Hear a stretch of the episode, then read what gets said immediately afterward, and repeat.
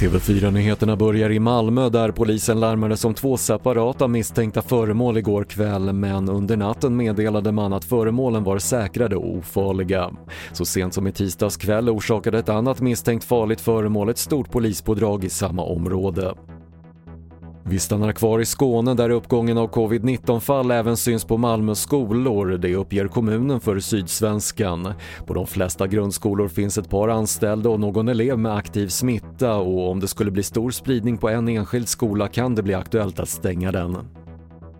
Och chefen för USAs nationella underrättelsetjänst säger att Ryssland och Iran försöker påverka det amerikanska valet efter att de ska ha kommit över data om röstlängder. Bland annat ska registrerade demokrater via mail ha hotats med repressalier om de röstar fel.